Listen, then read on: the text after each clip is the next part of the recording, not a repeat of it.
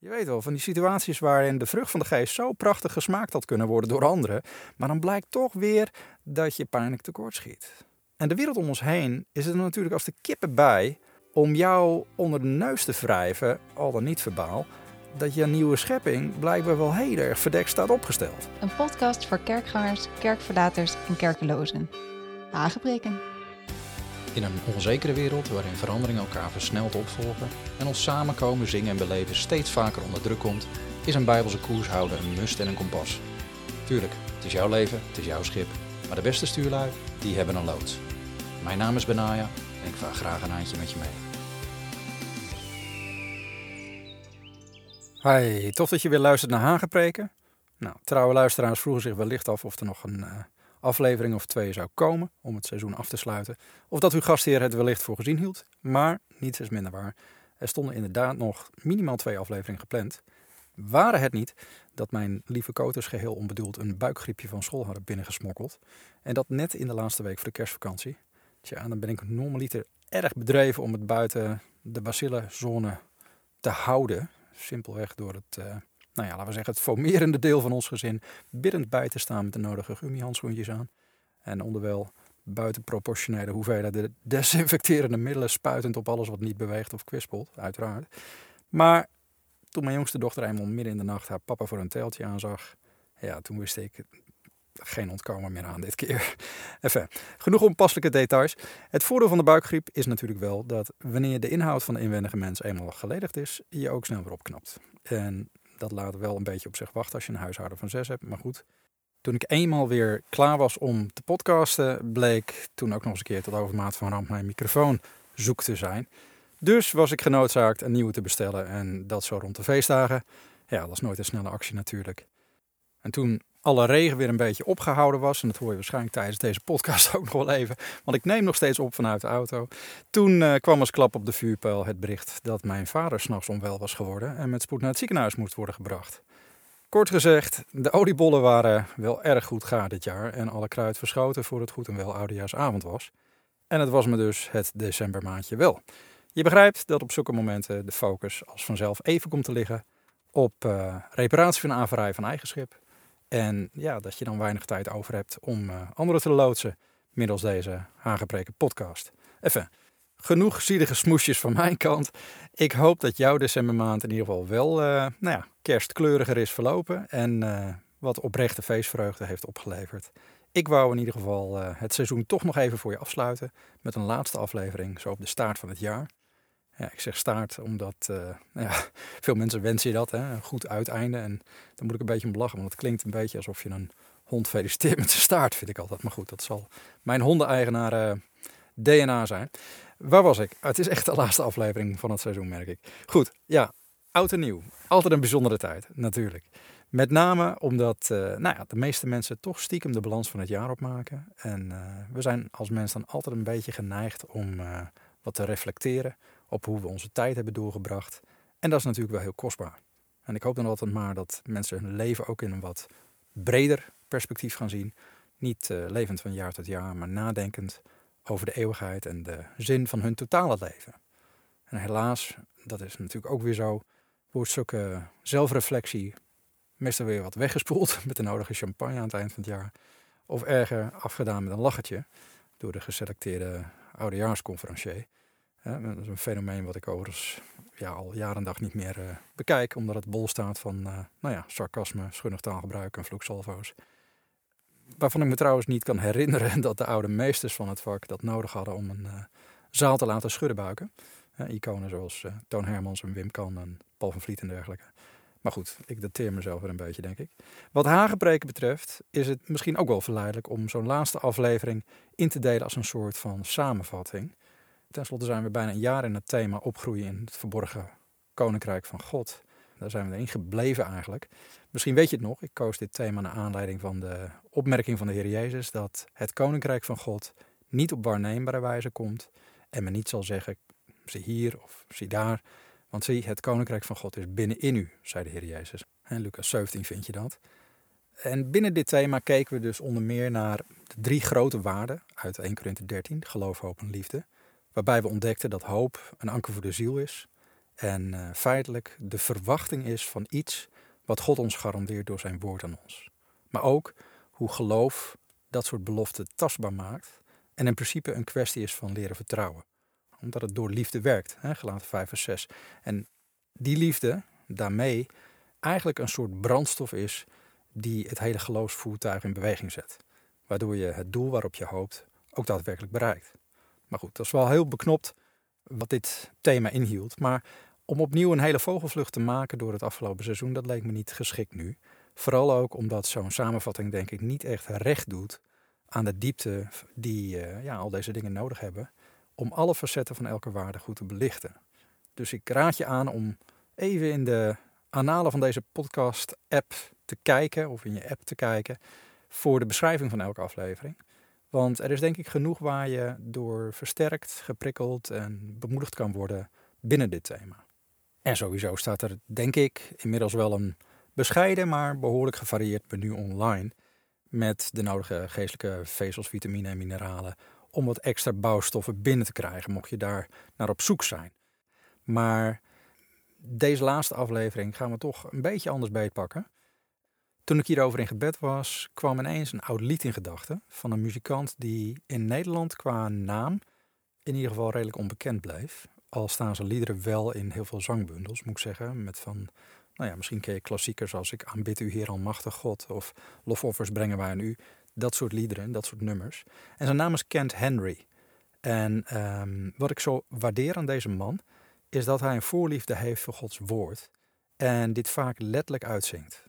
En daarom nadenkt over eventuele conclusies die we zouden kunnen trekken met betrekking van dit thema van dit jaar, kwam een bepaald lied van hem weer even bij me naar binnen, wat dan ook The Conclusion heet. En nou zit je natuurlijk altijd een beetje met uh, nou ja, copyright en al dat soort dingen. Dus ik besloot hem te mailen om te vragen of ik het kon laten horen voor deze aflevering. En ja, tot mijn verbazing reageerde hij heel spontaan met een driewerf yes en uh, een hoop andere bemoedigingen. En, uh, en daarom bij deze even een stukje. Luister maar even. The conclusion when all has been heard is fear God and keep his commandment. The conclusion when all has been heard, fear the Lord. The conclusion when all has been heard is fear God and keep his commandments. Surely this applies to every every person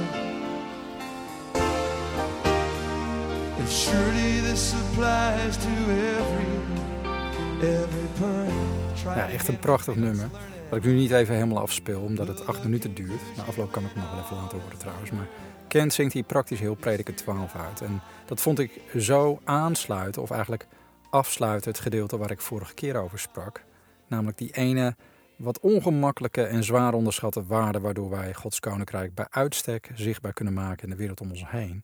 En dat is Gods vrees. Of de vrezen des Heren, zoals de oude Bijbelvertalingen het noemen. Want in een maatschappij die steeds meer van God los is, word je als vanzelf een teken en wonder, zou ik maar zeggen, als je handel, wandel en spreken gekenmerkt wordt door een sterk ontzag van God. Maar ook na de vorige aflevering besefte ik me dat dit een waarde is die nogal lastig is te vatten. Denk door iedereen wel. Godsvrezen is niet bepaald het populairste predikthema ook in de meeste kerken. En we zijn ook een beetje geneigd om er overheen te lezen als het genoemd wordt in het woord. En ik denk dat het komt omdat we het toch een beetje associëren met bang zijn voor God. Daar had ik het vorige keer al over. En dan voeren we al gauw een argument op voor onszelf dat die vrees nu niet meer helemaal van toepassing is op ons, want nou ja, vanwege Jezus dus. En dat, en dat snap ik. Tenminste, omdat het zo ongemakkelijk aanvoelt, snap ik dat mensen ervan uitgaan dat de oud-testamentische term vrezen des Heren ook in het Nieuwe Testament wel een beetje genuanceerd kan worden. Dat we het kunnen zien als een manier van spreken of iets dergelijks, als een soort Bijbels jargon. Maar ook iets wat we niet helemaal meer van toepassing vinden op onszelf, omdat we nu eenmaal onder de genade leven. Nou, ik zeg niet dat die gedachtegang terecht is, maar het klinkt logisch. En godsvrezen, ja, dat interpreteren we meer als, misschien wel als God in ere houden of, of iets dergelijks. Zo van rekening houden met het feit dat hij ontzagwekkend God is Ehm, ontzag voelt ook wat beter aan als vrees. Vandaar dat we in het nieuwe Bijbelvertalingen uh, ook op die manier vertaald zien. Dat doet ons gewoon wat veiliger aan misschien wel. Ten slotte wordt er vaak gezegd dat we zijn vrijgekocht en niet langer slaaf of wees. We zijn aangenomen als zoon en dochters door een liefhebbende vader, toch? Die hemelse vader die is natuurlijk de bron van alle geduld en, en heeft daarom oneindig veel geduld ook met ons. En wat hij voornamelijk wil communiceren door het offer van de Heer Jezus is natuurlijk kom thuis, hè? kom maar weer bij mij. En zo wordt het vaak onderwezen, en ook in steeds meer christelijke kringen. Eh, we zingen er zelfs van hè, in veel, veel kerken. Hè. Kom tot de Vader, kom zoals je bent. Hè. Kom tot de Vader, kom zoals je bent. En, en dat is op zich oké, begrijp me niet verkeerd. Hè. Ehm, er moet ook een bepaalde ontspannenheid zijn. Of misschien is het meer een soort van uh, nou, opluchting over het feit dat God met open armen staat te wachten. Totdat iedere zondaar die is afgedwaald ook terugkomt bij de Vader van de schepping. Maar gemakshalve lijken we daarmee aan te nemen dat dit ook de manier is van hoe het evangelie verkondigd dient te worden. Dat dit de juiste manier is van hoe mensen hun weg naar God terugvinden. want er staat toch immers dat de goede tierenheid van God ons tot bekering leidt. Romeinen 2 vers 4, bekende tekst. En dat is waar, dat, dat klopt ook. Maar het lastige is ja, dat zelfs die tekst gesandwiched staat tussen vermaningen om de goedheid vooral ook niet te verachten. Sterker nog, Paulus schrijft in een aantal hoofdstukken verder van Romeinen zoals het ons, ja, ons duidelijk wordt voorgeschreven in een nieuwe Bijbelvertaling, de NBV 21. Ik lees dat even voor. Weet dat God goed en streng is. Hij is streng voor wie gevallen zijn, maar goed voor u. Als u tenminste trouw blijft aan zijn goedheid. Want anders wordt u ook afgekapt. Heftig. Wauw, dat is nu niet echt een prettige gedachte. Maar toch is dit wel de volledige gedachte die dwars door de hele Bijbel klinkt. God is goed voor ons, maar ook streng als we niet trouw blijven aan zijn goedheid. Ja, nou lekker zul je zeggen. Dat is niet echt een fijne gedachte. Dat, dat geeft nou niet echt een warm gevoel van binnen. Maar toch kunnen we dit niet gemakshalve weglaten omdat het ons tegen de haren instrijkt. Nou, laten we wel wezen, vanaf dag 1 in het paradijs, toen er nog helemaal geen sprake was van iets als een mens met een zondige natuur, gaf God die andere kant namelijk ook al mee aan ons mensen. Zo van wees gezegend, dit is alles wat ik je geef, live it up, zo gezegd. Maar dan wel met de clausule dat als je niet luistert, dan zijn er gevolgen. Ja, en wij zijn dan geneigd om te denken dat we daarmee ons beeld van de goedheid van God uh, een beetje moeten bijstellen. Hij lijkt daarmee toch een beetje minder prettig iemand te zijn dan we ons hadden voorgesteld. Maar dat is niet helemaal terecht. Want God verandert niet. Nooit niet. Het is wij zelf als mens die geneigd zijn ons eigen pad te kiezen, waarvan we weten dat dit een heilloze weg is, om even met de ouderwetse psalmen te spreken. Maar dan, dan leer je Gods vaderhart ook nog even op een andere manier kennen als je die weg volgt. En misschien ligt daarin wel de crux. Hè? We leven anno nu in een maatschappij waarin het disciplineren van kinderen nou ja, ernstig is verwaterd. Laten we wel wezen. En een tijd waarin het Bijbelse spaarde roede niet, hè, vermomd als pedagogische tikken al een tijdje lang. Um, zelfs dat moest worden uitgebannen om niet met jeugdzorg uh, te maken te krijgen of die op je dak te krijgen. En om het labeltje huiselijk geweld uh, te kunnen ontwijken. Want zover zijn we al. En in plaats daarvan dienen we onze toevlucht te nemen kennelijk tot gesprekspogingen met onze kinders. Um, gesprekken op basis van een volwassen verwachting van redelijkheid en inzicht moet je bij kinderen aankomen. En vervolgens vragen we ons wel af waarom er zoveel grensoverschrijdend gedrag is onder de jeugd tegenwoordig. We, we hebben een generatie die gewend is dat er nog onderhandeld kan worden over een nee. En dat de regels kunnen worden geherinterpreteerd. Of ook wel, ja, misschien niet altijd gelden. En uiteindelijk komen ze dan in de politiek terecht en zijn we verbaasd dat de wetgevers zich niet meer aan de eigen wetten houden. Ja, dat is boeiend, maar er is een geschiedenis. Snap je mijn punt? Maar vaderschap is daarmee ook geherinterpreteerd. Vaak vergeten we dat als Nederlanders. We vergeten als Nederlandse christenen dat ons beeld van God als vader ook wel in sterke mate bepaald wordt door het Nederlands geaccepteerde beeld van vaderschap. Dat is ook een van die dingen die mij opviel tijdens mijn jaar als zendeling in Azië en het Midden-Oosten. Dat gezinsstructuren en vriendschappen heel anders waren daar. En omgangsvormen met ouders waren ook radicaal anders. En die contraien ga je niet zomaar in tegen je ouders. Dan vraag je niet als ze zeggen: Kom eens hier, waarom? Dan kom je gewoon. Je moeder roept je. Kinderen zijn daar gewend om taken te doen in huis, ook die hun ouders hun opdragen. Dat hoort erbij, want je bent kind. En je ouders hebben je dat gevraagd, dus hoe je daarover denkt en dat je zelf ook nog een mening hebt, ja, dat is niet altijd belangrijk. Je leert daar als kind je eigen mening om die soms te parkeren en, en te doen wat je vader wil dat je doet. Zo ga je bijvoorbeeld ook niet zitten op papa's stoel, want die plek is niet voor jou gereserveerd. Dat is papa's stoel, daar hoor jij niet in te zitten.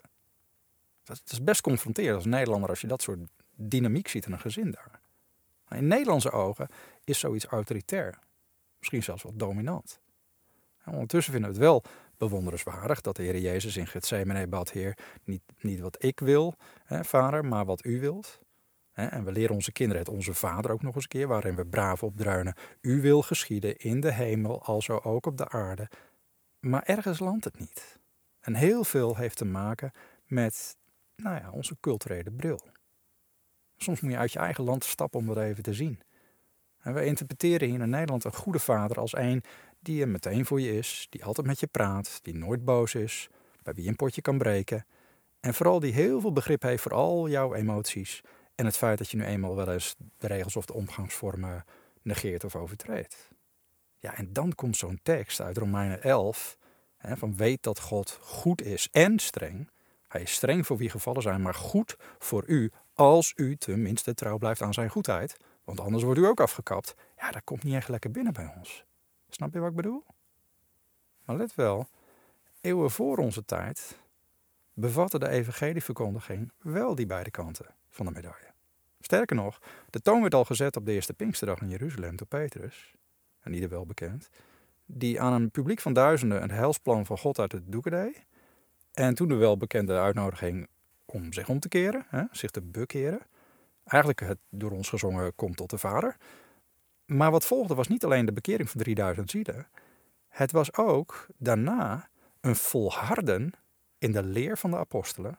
Dat spreekt van discipline. Maar ook volharden in de gemeenschap, het avondmaal en de gebeden.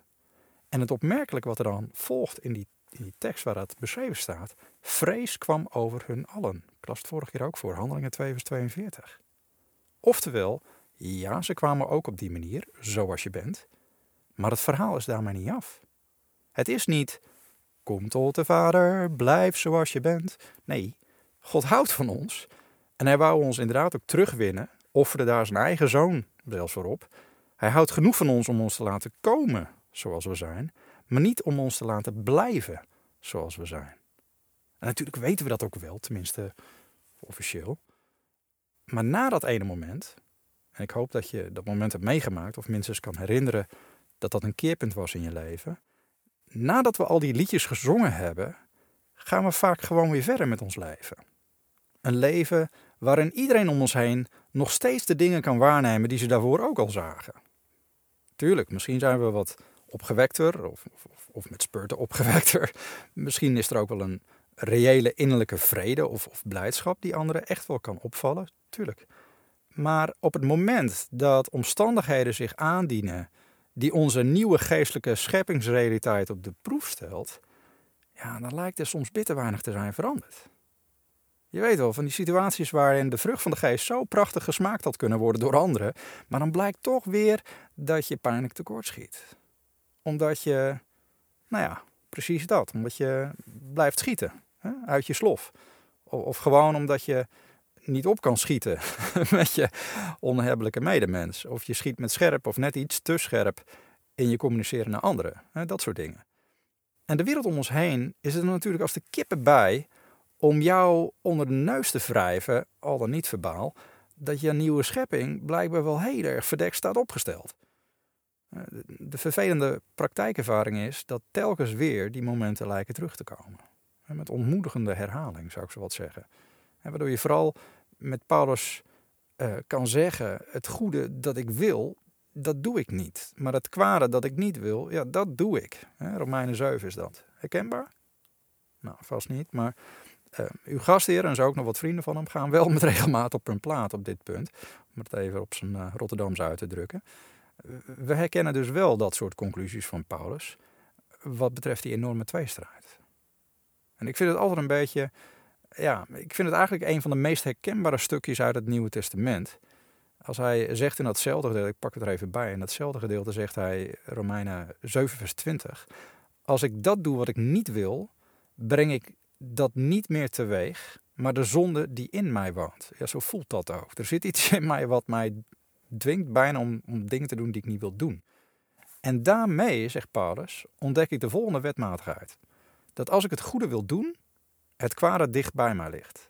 Want naar de innerlijke mens verheug ik mij in de wet van God, maar in mijn leden zie ik een andere wet, die tegen de wet van mijn verstand strijd voert en mij tot gevangene maakt van de wet, van de zonde, die in mijn leden is.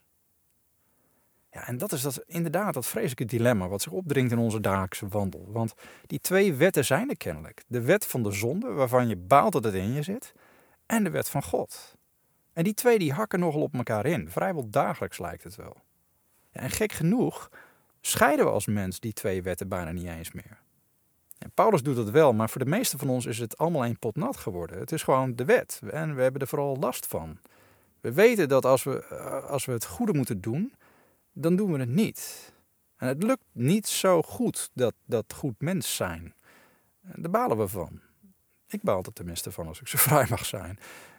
Je hoort het bijna zo'n stemmetje van binnen. Een stemmetje dat meestal min of meer de echo is van het bekende... Gij zult niet... Herken je dat? Dat is dan de wet van God. Iedereen heeft het wel eens gehoord of gelezen. Wat heb je allemaal? Gij zult niet liegen, stelen, overspel plegen, doden. Vul maar in. De beroemde tien geboden. Daar begint het al.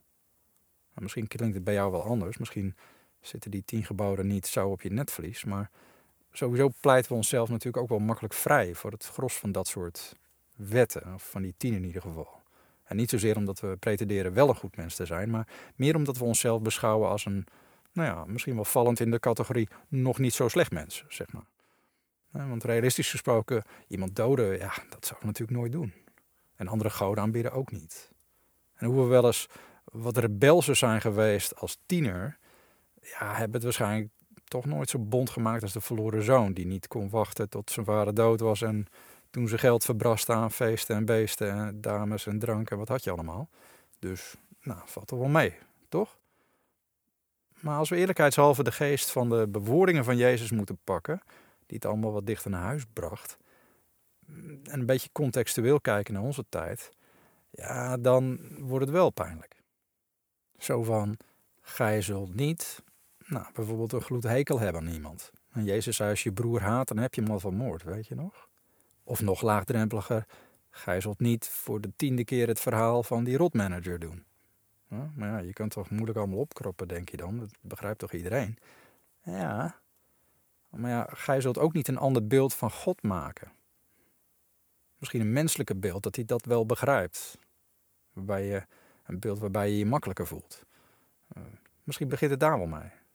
Of wat dacht je van, gij zult niet het verhaal een beetje aandikken. Of een beetje mooier maken dan hoe het werkelijk zat.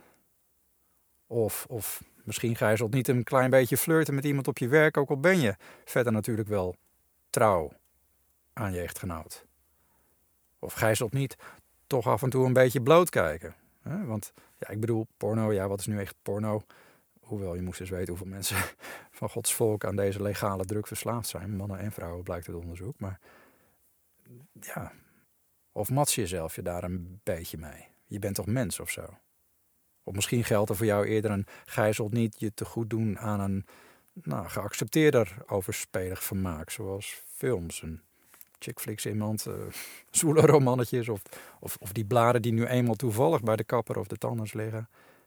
En misschien geldt het gijzelt niet begeren dan alleen voor degene die volslagen shopaholic zijn of zo. Maar niet voor de rest van ons die ja, chronisch ontevreden lijken te zijn met alles wat we hebben. Omdat we dat, ja, nou dat grotere huis, dat andere bankstel, die barbecue zoals de buurman, of toch wel iets betere auto, ja, is toch wel weer fijn. Is dat wel begeren? Nou ja, misschien denk je, Benaya, hou nou maar op. Het is, het is wel duidelijk zo. Wat een, wat een vervelende podcast wordt dit, zeg. Maar je voelt hem denk ik wel. Of tenminste, ik voel hem wel. Ik, ik, ik hoor dat stemmetje van binnen. En je weet zelf wel waar de schoen wrikt. Dat, dat, dat kan ook niet anders. Het is geen wonder dat Paulus zei: Ik, ellendig mens, wie zal mij verlossen uit het lichaam van deze dood? En we neigen allemaal tot gedrag waarvan we weten dat het niet in lijn is met Gods manier van leven, Gods manier van denken. En het feit is dit: de wet van God triggert de wet van de zonde in ons vleeselijk mens zijn.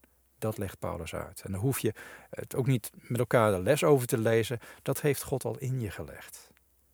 En omdat je dit zo miserabel maakt, hebben we de neiging het verschil niet meer te zien tussen de wet van God en de wet van de zonde. En daardoor heeft de wet van God ja, een enorme negatieve klank gekregen ergens. Nou, wat bedoel je daarmee? Wat, wat, wat is dan het verschil, denk je misschien? Nou, ik heb heel veel predikers gehoord die een draai hebben gegeven aan de oplossing die Paulus na zijn wanhoop aandraagt in de Romeinenbrief die we net lazen. En want Paulus legt wel uit hoe dit spanningsveld kan worden opgelost. Dit dilemma tussen wat je aan de ene kant je vlees wil en aan de andere kant wat God van ons vraagt. Want hij zegt in vers 24: Ik dank God door Jezus Christus onze Heer. Ik dien zo dan wel met het verstand de wet van God, maar met het vlees de wet van de zonde. Oftewel, mijn logica en bewustzijn zegt: wandel naar de raad van God. En daar zeg ik amen op. Maar mijn vlees ja, is altijd geneigd om de andere kant op te gaan. En vervolgens gaat hij dan verder in het volgende hoofdstuk met vertellen dat we niet meer veroordeeld worden.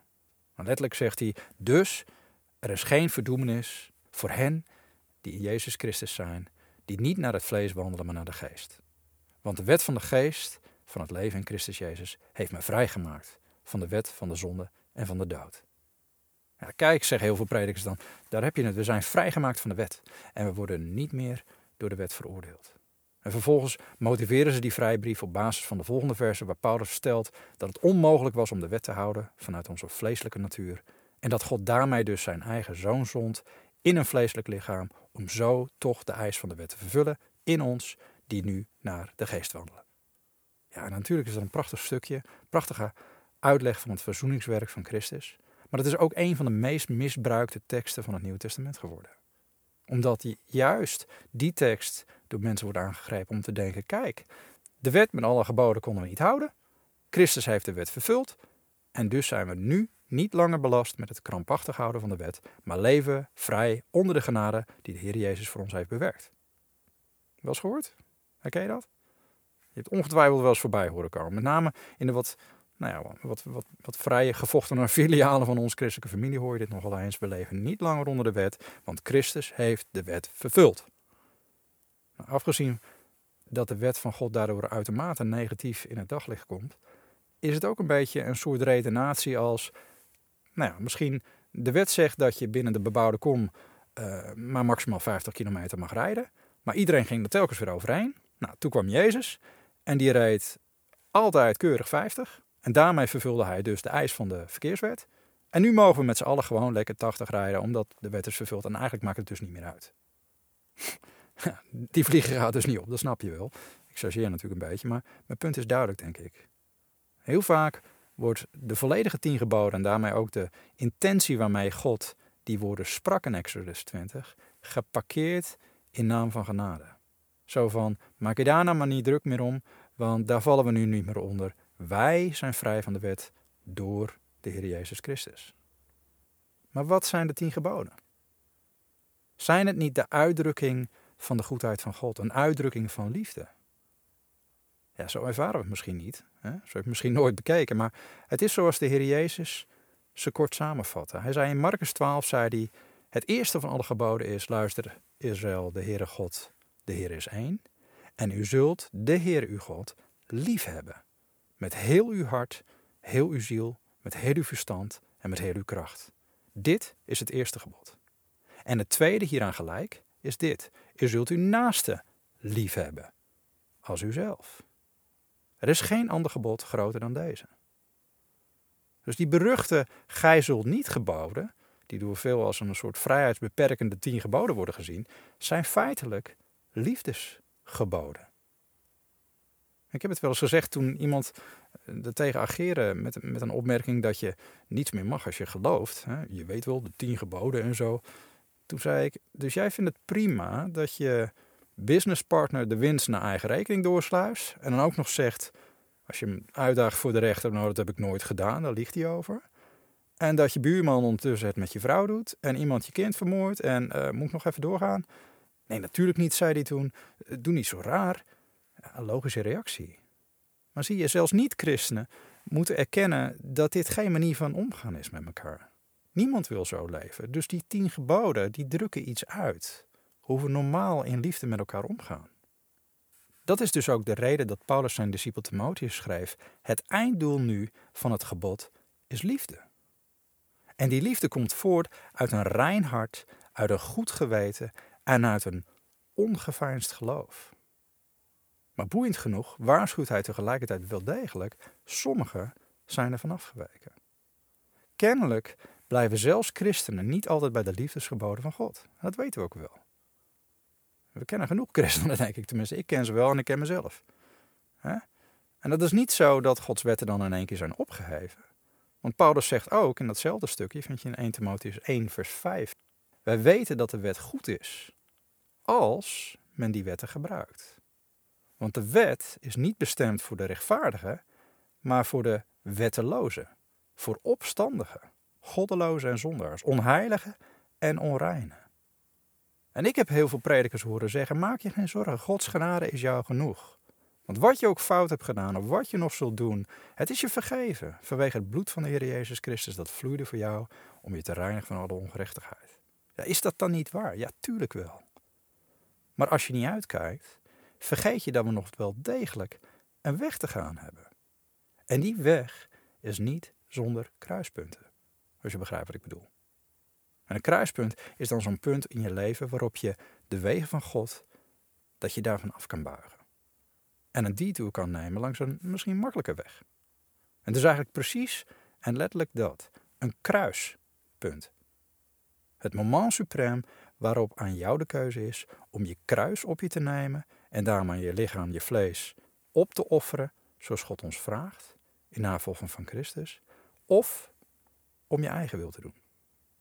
En dat is die bekende tekst, in diezelfde brief overigens, van Romeinen, waarin Paulus juist met het oog op het feit dat God zo barmhartig en genadig is, zegt hij, ons aanspoort dat wij onze lichamen stellen tot een levend, heilig en voor God welgevallig offer.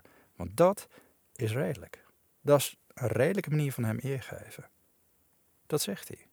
En dan moedigt hij ons aan om niet gelijkvormig te worden aan deze wereld, maar om hervormd te worden in het vernieuwen van ons denken omdat we daarmee ook erkennen wat de wil van God is. Namelijk dat goede, welgevallige en volkomene. Romeinen 12, vers 1 en 2. Anders gezegd, als je je denken vernieuwt, en dat doe je door anders te worden dan de rest van de wereld om je heen, die wel hun menselijke natuur volgt, dan erken je dat de wil van God, die geboden, dat die goed zijn. En dat is dus die keuze. Maar het gaat niet vanzelf. En genade was Gods keuze in ons voordeel.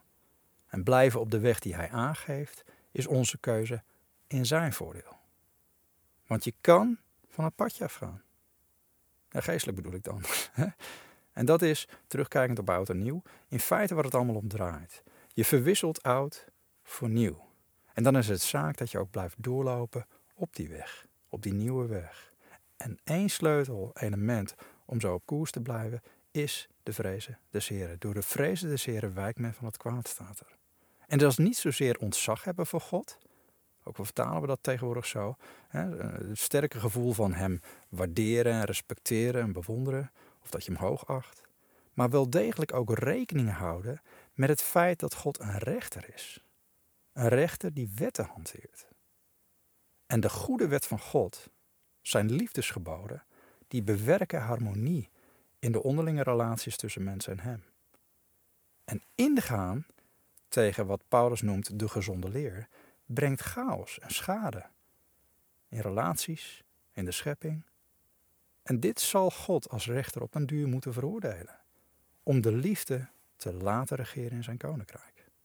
Of om prediker uit het Oude Testament of Kent Henry nog even te citeren, de slotsom, de conclusie van alles wat door u gehoord is, is dit. Vrees God en houd u aan zijn geboden. Want dit geldt voor alle mensen. God zal namelijk elke daad en het gericht brengen, met alles wat verborgen is. Het zij goed, het zij kwaad. En dat geldt nog steeds dus voor alle mensen. Vandaar boeiend genoeg dat de waarschuwing om hier niet vanaf te wijken door Paulus aan christenen wordt geschreven. Niet aan mensen die een leven leiden zonder God, in zonde en losbandigheid of iets dergelijks, christenen. Juist omdat er ook in de tijd van Paulus en Timotheus sommigen waren die afweken van de gezonde leer van het evangelie. En daarmee opstandig werden, wetteloos. Zware kost hoor, zo op het einde van het jaar benaaien, zeg je misschien wel. Nou ja, ja en nee denk ik. Want Jezus zei ons ook, mijn last is licht, mijn juk is zacht. Hè? Matthäus 11 vers 30. En Johannes schreef, Gods liefhebben houdt in dat we ons aan zijn geboden houden. Zijn geboden zijn geen zware last. Want ieder die uit God geboren is, overwint de wereld. En de overwinning op de wereld hebben wij behaald met ons geloof. In Johannes 5, vers 3 en 4, prachtig. Het is geen zware last, Gods liefhebben. Maar het houdt wel in dat je zijn geboden houdt. Want dat zijn liefdesgeboden. Er komt ook nog bij dat we er niet meer aan herinnerd hoeven worden door iemand die ons voortdurend loopt te dreigen met de wet. We kunnen erin blijven wandelen in de vrezen des Heren en naar zijn geboden van liefde, omdat de geest van God het in ons hart geschreven heeft. Hebreeën 8 zegt dat zo mooi. Ik zal mijn wetten in hun verstand geven. Daar heb je het verstand wat gehoorzaam is aan de wet van God. En ik zal die in hun hart schrijven. Want ik zal wat hun ongerechtigheden betreft genadig zijn. En aan hun zonde en hun wetteloos gedrag beslist niet meer denken. Gods geboden staan diep in ons hart gegrift. We hebben daar geen stenen tafelen voor nodig. We hebben daar ook niet iemand voor nodig die ons voortdurend dat om de oren slingert. Omdat het in ons hart staat, kan je ook, zoals de schrijver van Hebreeën verderop stelt, afleggen alle last en zonde die je zo makkelijk verstrikt. En met volharding de wedloop lopen die voor je ligt. Die ingeslagen weg. Maar dan wel met die clausule, terwijl we ons oog gericht houden op Jezus, de leidsman en voleinde van het geloof. Al die dingen waar je gewoon soms last van hebt. Dingen die je als last ervaart, misschien neerslachtigheid of minderwaardige gedachten of dingen waar je zorgen over maakt. En al die andere gedachten en gedrag waarvan niemand je hoeft te vertellen dat het onder kopje zonde valt, die kan je kennelijk afleggen. Dat kan je zelf. Als het niet zo was, als je dan nog een speciale cursus of vijf jaar therapie of maandenlange counseling sessies nodig had gehad, zou het er niet staan. Ik weet wel dat ik hierdoor veel goed bedoelde en vaak ook effectief dienende mensen met een pastoraal hart wellicht een beetje tegen het zere. Maar ik probeer je te bemoedigen en hoop te geven voor een nieuw jaar. Het feit is hoe instrumentaal ook heel veel hulp daarin is, want die kan er ook echt wel zijn hoor. Soms heb je dat ook wel eens nodig. Maar zonder de vrucht van counseling en pastoraal te willen uitvlakken, we zijn wel als mensen door de kracht van God in staat gemaakt om kwalitatieve en langdurige beslissingen te nemen en erbij te blijven. Het feit dat de koningen waren, zelfs in het Oude Testament, waarvan voortdurend werd gezegd dat ze verwandelden in de zonde van hun voorvaderen. Dat las je heel vaak, dan werd er weer een koning genoemd en die wandelde weer in de zonde van hun voorvaderen. Of soms nog erger waren als hun voorvaderen. Dan zien we toch dat er ineens weer een, nou ja, een Josia komt die het vertikt. Die niet wandelt zoals de rest. Het feit dat een koning David zich behoorlijk scheef gedraagt en dan zich bekeert en dan dicht bij God blijft daarna. Of het feit in het Nieuwe Testament dat Jezus soms simpelweg tegen iemand zegt: ga heen en zondig niet meer.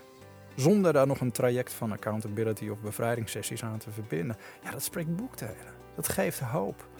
Dat geeft de koninkrijksburger moed, zeg ik altijd. Maar wat is het geheim dan van zo'n effectief en volhardend afleggen van lasten en zonde? Nou, we lazen het al. Hebreeën 12, vers 2.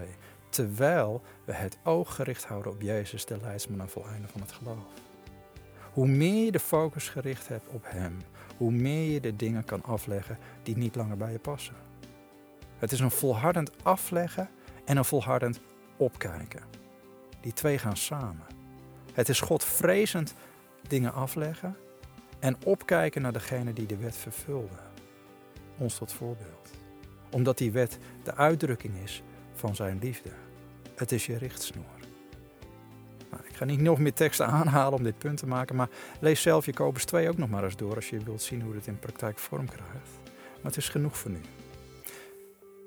Ik wens jou een heel bijzonder goed nieuwjaar vanuit deze auto in het bos. Gelukkig regent het niet al te hard. En ik bid dat je in alle opzichten goed zal gaan. Dat je gezond blijft en dat het je ziel goed gaat, om het even bijbels mooi te zeggen. En dat je mag groeien in geloof, hoop en liefde. Maar zeker ook in Gods vrezen. Zodat je kan blijven koers houden terwijl je blijft luisteren naar elk woord wat God tot je wil spreken in het nieuwe jaar. Of om Kent even vanuit zijn mail naar mij te citeren. It's a truth that every believer needs to know to help them finish their course and help them live full out for the Lord. The conclusion of all that's been heard is fear God and keep His commandments. Here's the song that goes with it the conclusion when all has been heard. I mean, after all the books and all the teaching and all the time together, what's left, church? What's left for us right now to do to invest our lives in? What would it be? Well, this is it for me, for sure. The conclusion when all has been heard is fear God and keep His commandment. The conclusion when all has been heard, fear the Lord. The conclusion when all has been heard is fear God and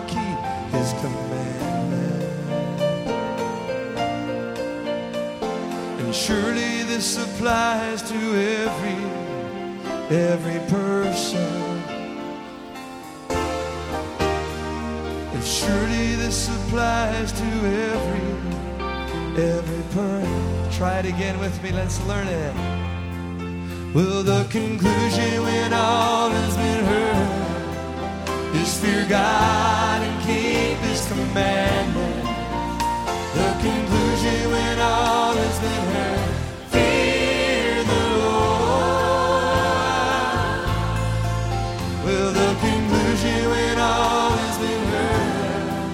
is fear God and keep His commandment.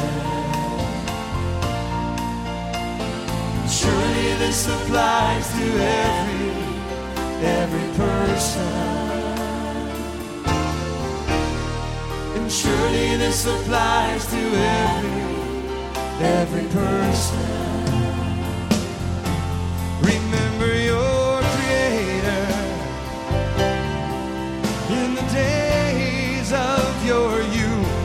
Think back on your Creator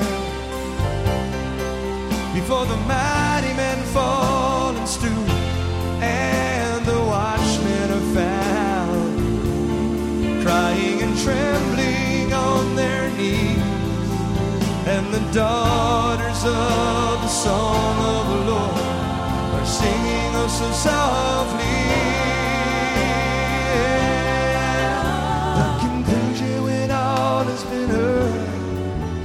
Fear God and keep His commandments. The conclusion when all has been heard, fear the Lord. The conclusion when all has been heard fear God and keep His commandments. Surely this applies to every, every person. Applies to every, every person. The conclusion, and the conclusion when all has been heard is fear God and keep His commandments. The conclusion when all has been heard, fear the Lord. And the conclusion when all has been heard is fear God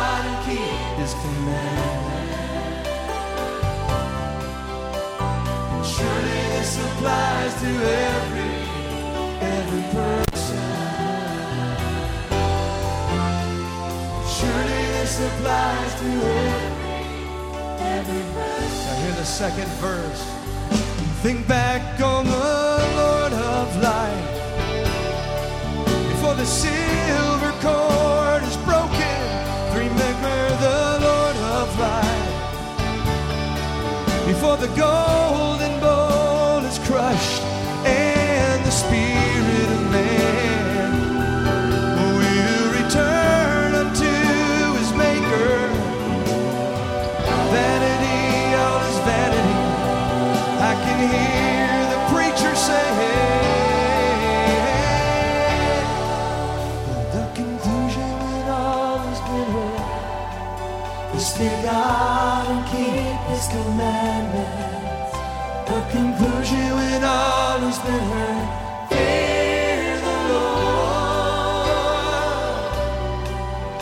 The conclusion when all has been heard is fear God and keep His commandments.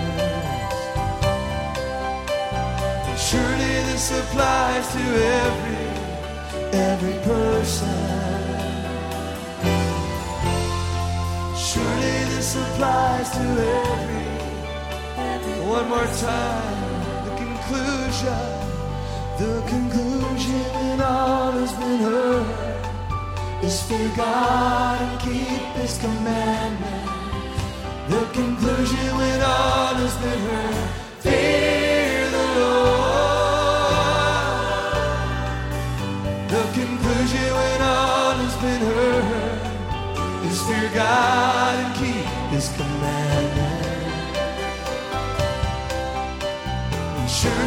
applies to every every person. And surely this applies to every every person.